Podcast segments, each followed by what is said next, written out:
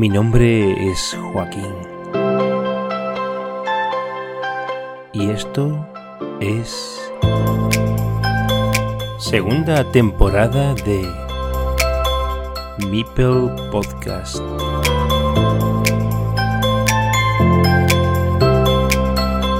Welcome to Carcassonne.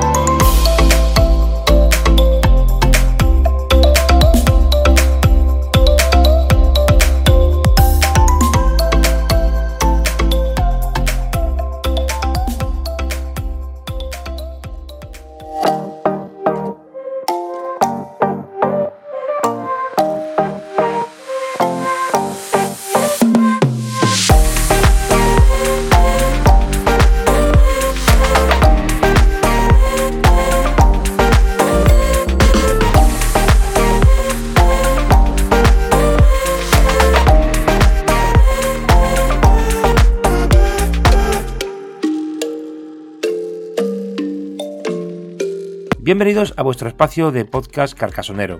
Joaquín al micrófono y con nosotros en este episodio alguien que va a completar una de las entrevistas finales antes de comenzar uno de los proyectos que tengo en mente y que va a tomar seriedad en breve. Es de una tierra, nuestro invitado, que después de Sevilla, donde tengo mis raíces y donde resido, sería el otro lugar donde me encantaría vivir. De hecho, pasé una temporada trabajando allí. Las Islas Canarias me traen muchos recuerdos. Mi excursión de octavo de GB a Tenerife, donde también trabajé en un hotel 10 años después, ya con la edad de 24, y con 30 hice un tour con mi compañera, a día de hoy mi mujer. También he visitado La Gomera, Gran Canaria y estos dos últimos años también he estado de vacaciones en Fuerteventura. La verdad es que guardo bonitos recuerdos de estas, las llamadas Islas Afortunadas, las Islas de la Eterna Primavera. Pero retomando la presentación de la entrevista, hoy tenemos con nosotros a un profesor de primaria, especialidad Educación Física, presidente de una asociación de juegos, la Asociación Ludens, y que ha llevado Carcassonne al aula, entre otros muchos juegos, por supuesto, aunque él nos contará con qué resultado. Jugó la primera edición de la Liga Carcassonne Spain y ahora está en el grupo verde de la segunda categoría. Se llama Pablo del Pino, Pablo Ludens, en la BGA, y le damos la bienvenida a mi podcast. ¿Qué tal, Pablo? ¿Cómo estás? Muy buenas, Joaquín. Pues muy bien, aquí en pleno inicio del curso escolar. Y nada, a tope de energía, pero con todo esos taras burocráticas que da pie al curso. Pero con ganas, con ganas de hablar de, todas las preguntas que, me tienes en mente y un poco pues explicar la, la experiencia como ya has introducido de, del Carcassonne y los juegos de mesa en el aula. Pues no pudo ser de la semana antes que la teníamos preparada, pero bueno, aquí estamos recién llegado prácticamente de las jornadas presenciales del Ludo del Gosun, las conocidas LES. Cuéntanos cómo ha ido. Buah, pues ha sido toda una, aventura. Eh, ha tenido todo su parte buena y su parte mala. Como seguro que conoceréis, eh, en Canarias hemos sufrido un ciclón. Y bueno, la vuelta fue un poco accidentada, con un par de transbordos, como diría aquel, entre islas, pero por fin en casa. Y por la parte buena, pues una experiencia espectacular. Una organización de 10, eh, tanto de las LES como de la Asociación de Carcassonne Spain que organizó el torneo. Fue súper eh, ideal conocer a la gente con la que juego en BGA, ponerles cara, hablar, intercambiar experiencias, estrategias. Y por otra parte, pues todas esas ferias solidarias que son las, las LES, pues conocer a gente de, de Instagram que nos estamos eh, desvirtualizando, así como conocer las principales novedades de, las editoriales de juegos de mesa, ha sido un, fin de redondo, por resumir. Eh, ¿Qué es lo más atractivo para ti de este tipo de jornadas presenciales? Además, por supuesto, de participar y que se den a conocer los juegos de mesa de los que todos somos fans. Pues la verdad que es ideal que ya en España haya varias ferias que sean una hoja de ruta que haya que, que, haya que tachar en el, en el calendario para visitar y como te decía, pues eso, de virtualizar, eh, conocer en persona eh, otras eh, personas con inquietudes, mm, tanto friki como pedagógicas, porque cada vez más los juegos de mesa están teniendo un peso educativo. Entonces, estos, estos foros se convierten en un punto de reunión para intercambiar metodología, experiencia dentro del aula. Y por otra parte, la parte ya menos académica, pues, pues simplemente divertirte, pasar un fin de semana eh, de 8 a 8 en un pabellón, aprovechando las jornadas, los torneos, eh, las presentaciones, concursos y demás. Y en das cuenta eh, pasar un fin de muy friki, pero a la vez muy sano. Hmm. ¿De dónde nace la idea de crear una asociación cultural y socioeducativa vinculada a los juegos de mesa, como la asociación Ludens? Pues mira, yo desde hace años siempre he querido crear una asociación, no sabía hacia qué lado enfocarme.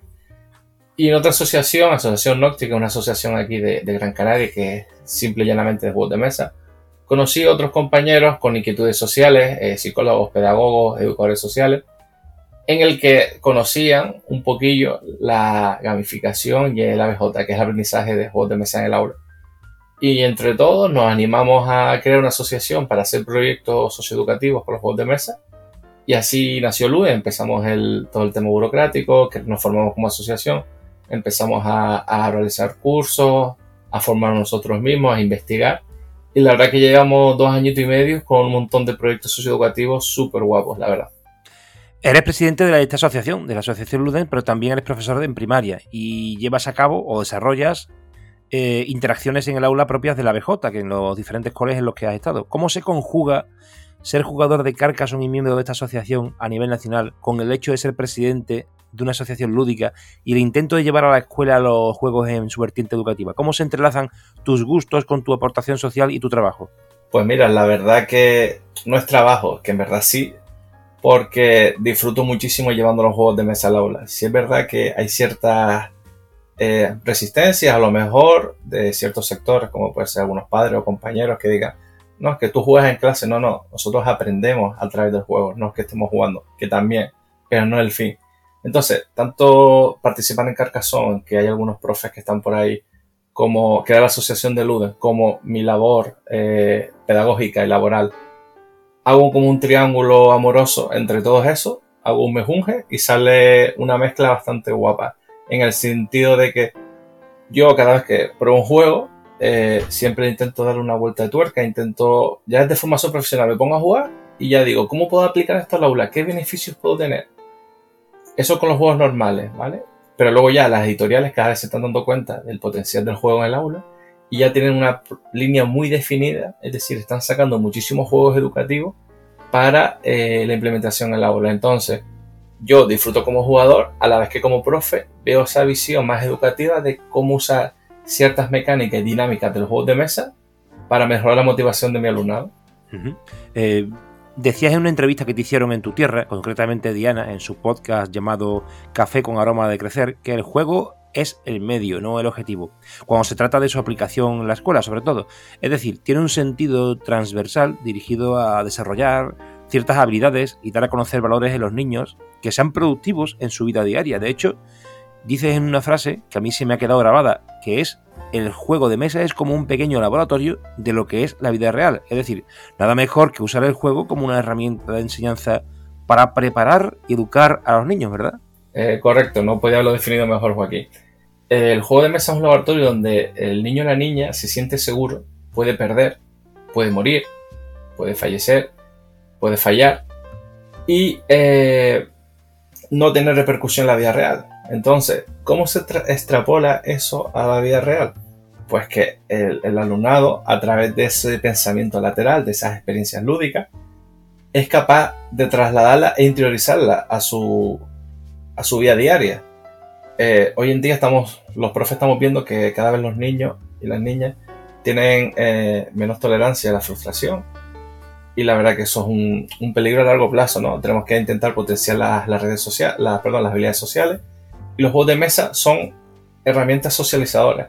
Tú en un juego de mesa te sientas y estás obligado, entre comillas, a socializar, a hablar, a jugar, ¿no? Tienes tu ficha, tienes tus cartas, tienes tu, tu demás tablero y tienes que eh, obligatoriamente jugar, participar. Entonces, en ese laboratorio es lo que se conoce como el, mundo mágico, ¿no? Ese momento de flow, de distraerte, de desconectar, pero a la vez conectar con lo que estás jugando y con, con los compañeros y compañeras que, que, se entrelazan en esa mesa. Y por eso eh, ocurre la magia, es decir, eh, el juego socializa, el juego nos acompaña de que nacemos hasta que, hasta que morimos y por ello eh, yo apuesto en mis clases o en los centros donde, donde trabajo que el juego de mesa tiene que ser el laboratorio de las emociones, de, probar, de experiencia.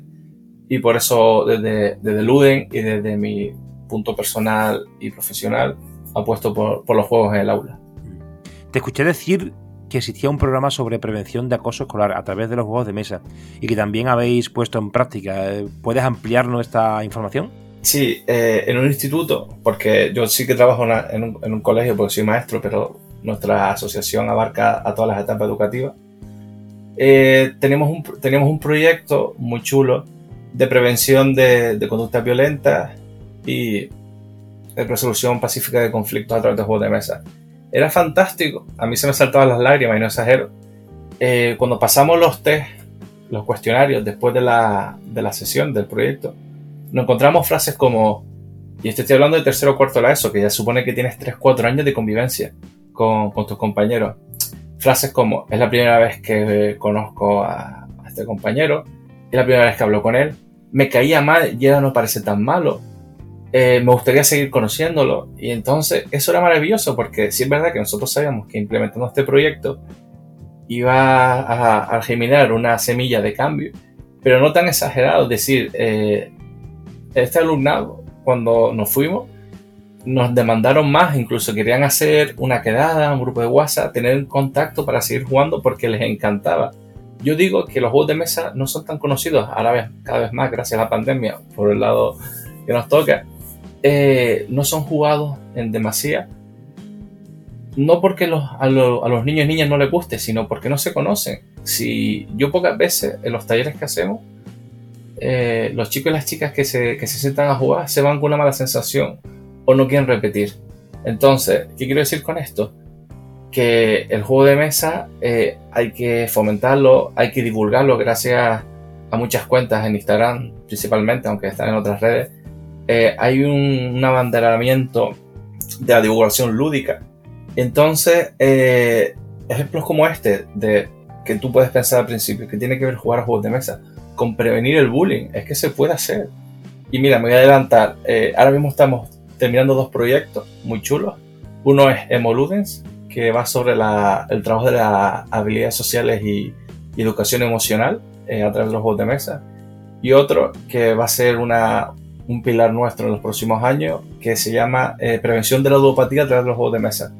Hoy en día eh, hay muchísimos jóvenes que apuestan por internet, tienen el móvil, eh, se dejan enganchar un poco las, casas, las famosas casas de apuestas que, que no hacen tanto daño ¿no? a la sociedad y, en barrios marginados. Entonces, a través de los juegos de mesa, con dinámicas de Pull Your Luck, de Tienta la Suerte, vamos a educar a los jóvenes en, en esa en esas apuestas, ¿no? O en ese sentimiento de, ganancia, de apostar, para que no apuesten o que si apuestan sean conscientes de, todo. Por eso digo que en resumidas cuentas, con el juego de mesa se puede trabajar prácticamente cualquier cosa que nos propongamos. Y hablando de esa experiencia de éxito, cuéntanos alguna tuya que hayas vivido en primera persona llevando el recurso de los juegos de mesa al aula. Pues mira, un ejemplo que suelo poner muy típico, lo recuerdo bastante, hace, hace tres años, estaba en, en, sexto de primaria y tenía un alumnado que era el peor de la clase, con diferencia en el cálculo de multiplicaciones. De hecho, tiene una adaptación.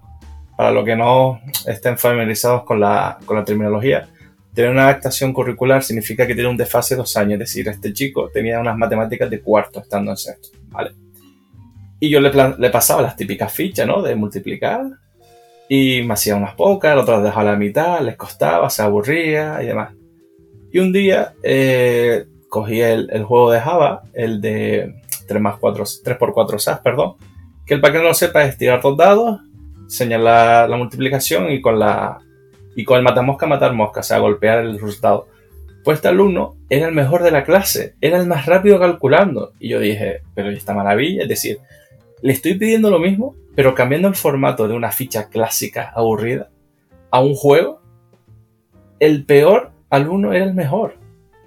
Y decías tú, mm, esto es maravilloso, esto hay que fomentarlo. Por eso eh, también digo, hay que fomentar los juegos de mesa en el aula, pero no es la receta mágica, es decir, no vas a implementar juegos de mesa y se van a quitar todos los problemas educativos que tengas en tu grupo de clase, sino que es una herramienta más de las que ya tenemos para mejorar la motivación del alumnado. Por eso digo que ejemplos como este son mm, bastante factibles y hay que apostar por, esta metodología. Estoy de acuerdo. Eh, tiene gracia porque vengo del mundo del ajedrez y me he enamorado profundamente de Carcassonne, pero siempre he tenido a mi alrededor, durante mi infancia, quiero decir, eh, juegos tradicionales, ¿no? Como el Risk, el Category, Coloca 4, Quién es quién, Trivial, en fin, todos los juegos que uno puede pensar de los años 80 a esta parte. Pero, bueno, eh, no llega a conocer los juegos de mesa modernos hasta hace muy poquito. Y al mismo tiempo he observado que existen dos caminos bien distintos, abiertos de cara a llevar el juego al ámbito educativo. Por un lado, el ajedrez, que es verdad que lleva mucho tiempo luchando para ello en solitario. De hecho, ya forma parte del currículo de muchos colegios, no solamente en los países que ya conocemos, eh, porque es su, bueno, por, costumbre o por tradición, sino que también aquí en España pues están asentando. Eh, y después está el aprendizaje, el aprendizaje, basado en juego, que es más moderno. ¿No sería más interesante, pienso, ¿no? y es una cosa que se ha suelto ahí por si eh, quieres coger el guante y hablar de ello o dar tu opinión, ¿No será más interesante que ambos fueran cogidos de la mano, aprovechar la experiencia del ajedrez respecto de esta situación y el boom de la BJ eh, para obtener resultados eh, a nivel de implantación en la escuela? Por supuesto. Para mí son dos, juegos que tienen que ir de la mano, el ajedrez y el resto de, la última jornada de juegos de mesa que, modernos que se están sacando. De hecho, yo que ya tengo ya paso de los 30, yo jugué el ajedrez en el colegio, me acuerdo, competí y me encantaba, me encantaba. Y creo que el ajedrez, sí, como bien has dicho, siempre ha estado ahí, ¿no? Como en tono grises de viene, se queda. Hay unas temporadas que, que sí, unas temporadas que no. Pero yo creo que el ajedrez desarrolla tantos conceptos matemáticos, tantos pensamientos laterales, tanta eh, diversidad de, de estrategias que hay que meterlo sí o sí con, con los juegos de mesa. Sí es verdad que me daría pena encasillarte en el ajedrez, en de la redundancia, en el sentido de que hay tantos juegos de mesa que creo que habría que hacer un mix en el, que, en el cual debería estar el ajedrez.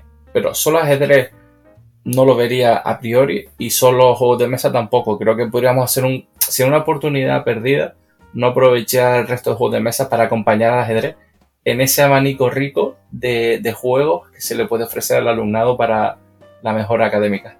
Claro, porque mira, he grabado hoy una entrevista precisamente eh, con un chico que se llama Daniel Escobar, que lleva 20 años trabajando en un cole en Cádiz. Eh, bueno, y tiene una experiencia mm, bastante importante y, la realidad es que, claro, el ajedrez tiene por detrás bueno, muchos argumentos científicos ya demostrados pero mm, a día de hoy, yo que vengo de allí y, observo esto de la BJ y que también estudio magisterio, aunque, bueno, por circunstancias familiares y por mis propios deseos, dejé la, la, carrera sin terminar, pero es una cosa que me llama poderosamente atención que aprovechando este empuje de la BJ y la falta de recursos que se aplican desde la política desde el Estado para impulsar el ajedrez que lleva tantísimos años queriendo entrar en, eh, la escuela, ahora que se ha medio conseguido, yo también desde este punto de vista observo que quizás pues eh, sería un retraso que no fueran todos cogidos de la mano, porque al fin y al cabo el ajedrez tiene otras vertientes, está también considerado deporte, hay quien lo considera ciencia,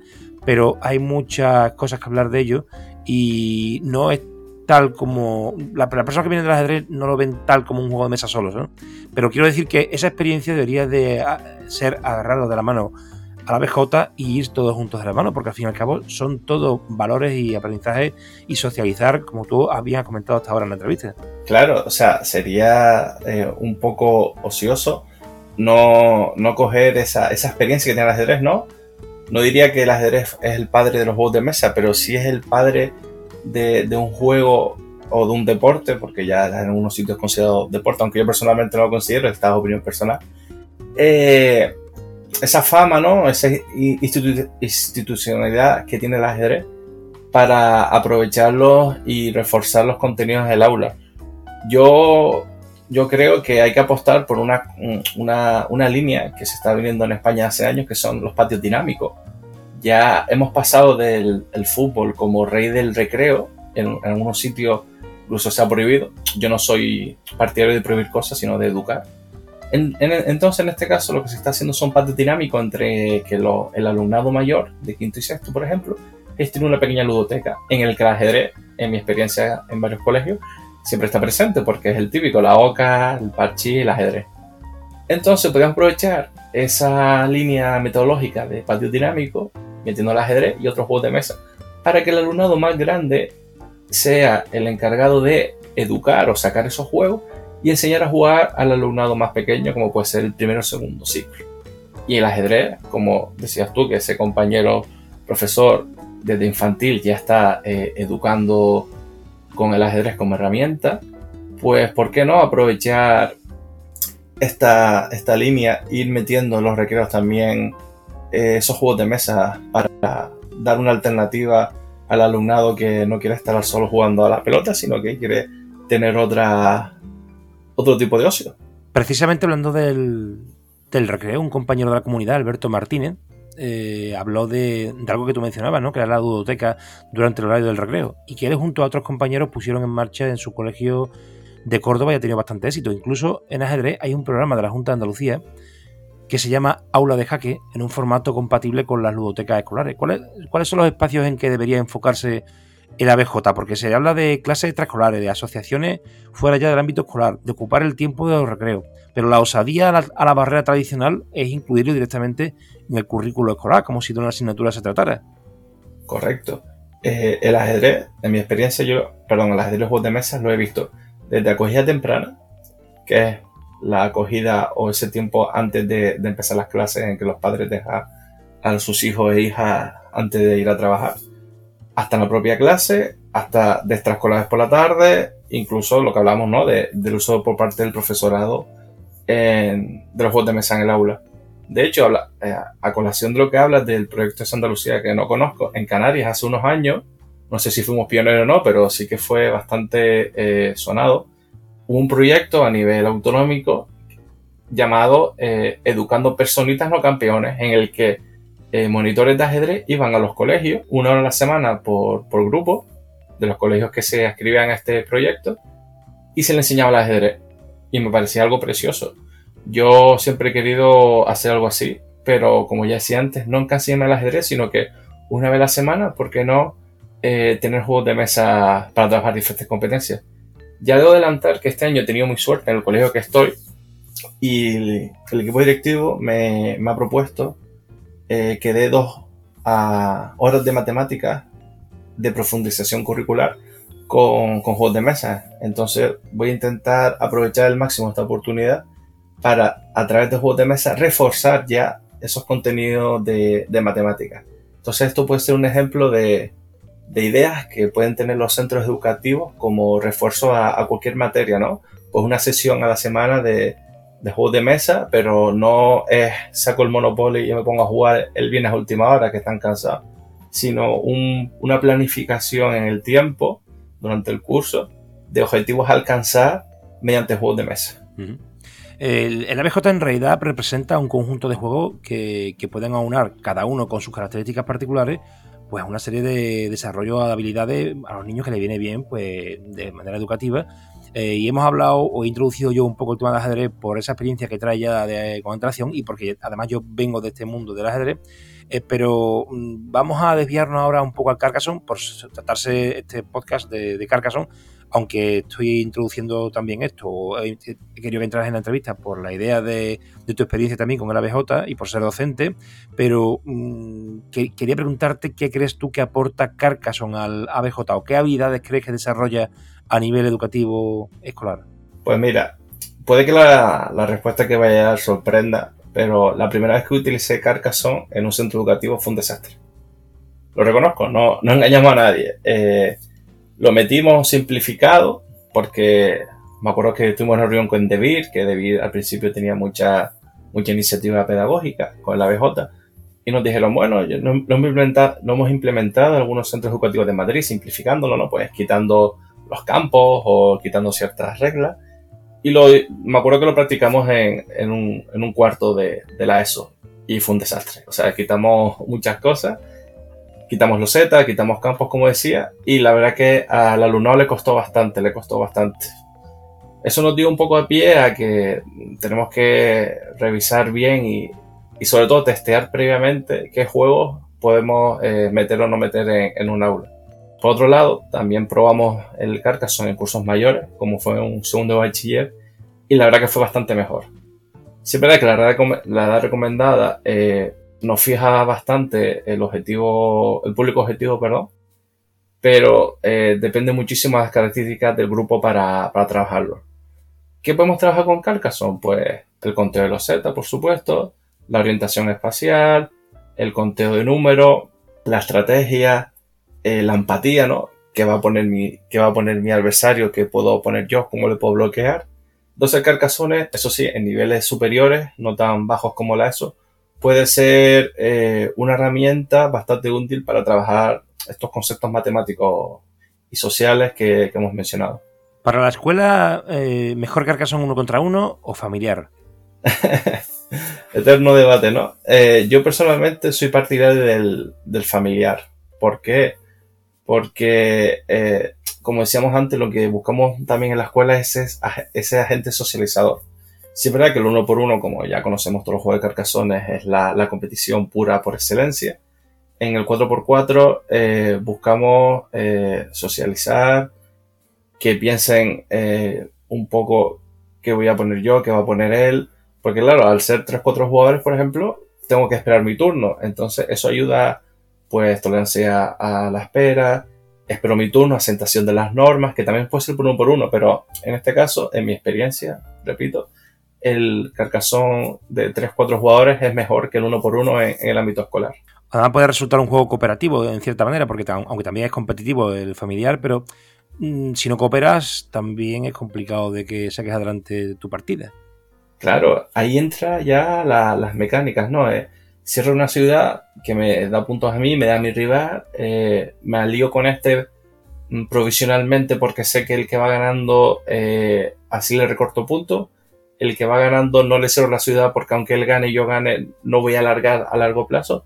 Son un montón de interacciones que, entran en juego si, por ejemplo, jugamos con Carcassonne a, a 3-4 jugadores. Eh, bueno, como te comenté, antes de consumar esta entrevista, tengo una, iniciativa de crear una mesa redonda con los profes de la comunidad de Carcassonne Spain para debatir estas cuestiones que me parecen súper interesantes y me gustaría contar con tu presencia.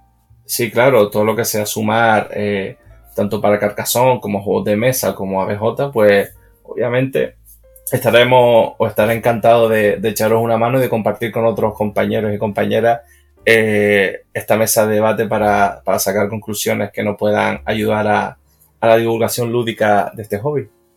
Quería preguntarte por tu participación en Carcassonne Spain, en la liga, tu situación en Board Arena y todo lo que me quieras contar alrededor de tu experiencia ya exclusivamente con Carcassonne. Pues mira, eh, genial, pero me falta mucho por, por madurar. Curiosamente estoy en el grupo verde. Eh, no fui de los que mejor quedé en la pasada liga. Todavía me, cuesta aprender, pero eso me gusta porque yo aunque sea docente, eh, estamos en constante aprendizaje, ¿no? Forma parte de, nuestro sino.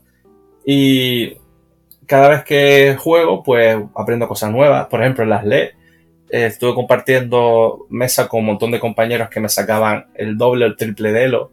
Y a la cada partida me dijeron, bueno, pues yo hubiera hecho esto, tenías que haberte fijado. Y son cosas que a lo mejor yo, que tengo 200, 300 partidas del Carcassonne, creo que tengo asumido, pero al final estamos en constante cambio y aprendizaje. Y la verdad que el Carcassonne, eh, yo que jugué al ajedrez de pequeño del colegio y competí, me trae ese, ese recuerdo a, a la competición y a la constante mejora, ¿no? A ese entrenamiento de, repetir jugadas, de repasar y demás. Entonces, por ello, eh, estoy súper encantado de la liga, de, aprender, de jugar. Y lo que quiero es, pues, intentar no mejorar mi puesto de la, liga pasada porque estoy un poco descontento. Pero bueno, para eso, para eso estamos ahí eh, entrenando y jugando y la verdad que, que espero que la liga dure mucho porque se están juntando un grupo de personas muy, muy ameno, la verdad. Este verano hubo posiciones, pero no pudo ser, ¿no? Sí, este año hubo posiciones de maestro. La verdad es que yo salí bastante contento, pero bueno, ya todo el mundo que está metido en el ajo sabe que son eh, eh, procesos complicados, subjetivos y que el factor suerte está ahí. Yo la verdad que en el supuesto práctico ya adelanto eh, metí juegos de mesa porque se daba pie a ello. Pero bueno, parece que al, tribunal no le gustó mucho y, demás. Pero bueno, yo, pese a todo, seguiré apostando por, los juegos de mesa y a ver si las próximas OPO tengo mejor suerte. A lo mejor el destino te está llevando a recorrer un número de colegios determinado para que evangelices con el ABJ allá por donde vayas. No creas que no lo he pensado, ¿eh? eh el año pasado estuve en seis colegios Y este año, por ejemplo, ya me han contactado unos cuantos que, que se quedaron contentos conmigo para dar esas formaciones de centro que se da al claustro de profe en el, en el uso de juegos de mesa. Y como bien dice, pues la, la parte buena de, de, ir rotando es que vas dejando esa semillita y ves como compañeros cogen un poco el testigo o que empiezan a investigar. Y la verdad que es bonito ver que han cogido eh, el ABJ como pequeña línea metodológica de refuerzo y que bueno, vamos sembrando la, la semilla lúdica. Tiene una pregunta ahora que de alguna manera has introducido tú al inicio, que era que otros proyectos tiene la asociación que preside a medio plazo o en el cole. Y ya has comentado que tienes dos proyectos ahí. Pero si quieres eh, ampliar alguna información respecto de alguna de esas eh, ideas eh, sobre la que vais a poner mucho más énfasis, si quieres decir algo. Sí, bueno, un poco entrando más de razón, eh, el proyecto de Moluden de inteligencia emocional, vamos a ayudar a los jóvenes a identificar esas emociones, a jugarlas, a proyectarlas y un poco ser el laboratorio que antes mencionábamos de ese intercambio de, emociones, porque hoy en día los jóvenes muchas veces eh, están tristes están frustrados y no lo saben, porque no se les ha ayudado a identificar. Por suerte en Canarias desde ese año está la asignatura de Mocrea, que es una asignatura para la, la mejora y la adquisición de la inteligencia emocional en, en, educación primaria. Y con este proyecto lo que intentamos es eso, eh, ayudar a la mejora de habilidades sociales y la inteligencia emocional. Y otro proyecto que te comentaba, pues es el de prevención de, de ludopatía en jóvenes y vamos a usar juegos eh, tipo Luck, como puede ser Diamond, Can't Stop, Strike, para un poco eh, hacer visible a esos jóvenes que aunque ganemos, aunque acabemos de jugar con la sensación de ganar, hemos perdido. Un ejemplo muy, muy tonto. En el strike empezamos con 7 8 dados y acabamos ganando con 1 o 2. ¿Tenemos la sensación de que hemos ganado? Sí, pero ¿cuántos dados te quedan en la mano? Esta frase se la debo a, a, a la compañera Justi, que nos ha ayudado un poco con el proyecto. Y bueno, pues esos son los dos proyectos, las novedades de nuestra editorial barra asociación que tenemos para, para, el próximo curso, aparte ya de los proyectos que ya venimos haciendo como el de prevención de conducta violenta o eh, proyectos intergeneracionales entre mayores y pequeños, que están muy chulos, y luego los talleres que hagamos por los jóvenes en los municipios como, como ocio eh, alternativo saludable a través de los juegos de mesa. Pablo, esta pregunta va a ser complicada para ti. ¿Qué juego o juegos te llevarías a una isla desierta? Qué curioso, Joaquín. Esa pregunta se la suelo hacer yo a, a, varios compañeros del mundillo. Y la verdad que yo lo tengo claro. Me gusta el número 3, porque es un número completo. Eh, el Skulky, que es un juego de basa basado en la pocha. Me parece un juegazo y que nunca, nunca, nunca me canso de comprar. Perdón, de jugar de comprarlo estaba pensando porque cada vez que se lo enseña algún colega no jugón, se lo ha comprado, o sea, no falla. El Terraforming Mars, que es mi, mi juego favorito, por excelencia. Y luego, creo que podría ser Carcassonne. Igual estoy barriendo un poco para casa, pero Carcassonne parece un juego muy redondo, eh, con mucha rejugabilidad y que se adapta bien a, a cualquier tipo de jugadores. Mójate, ¿a quién entrevistarías en este canal? ¿O quién te gustaría escuchar en Mipel Podcast? Uf, tanta gente, muchísima gente. ¿A quién me gustaría entrevistar? Pues igual a, mi amada, amada del punto de vista pedagógico, eh, María Couso de Plan for Learning, eh, Vero de ABJ, bueno, Diana de Maestra en Tiempo de Crisis ya tuvimos la entrevista, Nuria Guzmán, yo creo que entre ese grupillo de gente eh, podríamos sacar una buena entrevista. Uh -huh. ¿Hay una tal Nuria, te suena? Sí. ¿Vita? ¿Nuria Vita? Hombre, Nuria Vita, eh, que está haciendo una tesis brutal o que ya la está presentando con Mercurio en la Universidad de, de Lleida. Una crack. Es curioso, también te lo escuché oír en la entrevista, estuve investigando un poco sobre esta chica y la verdad que es un proyectazo, ¿eh?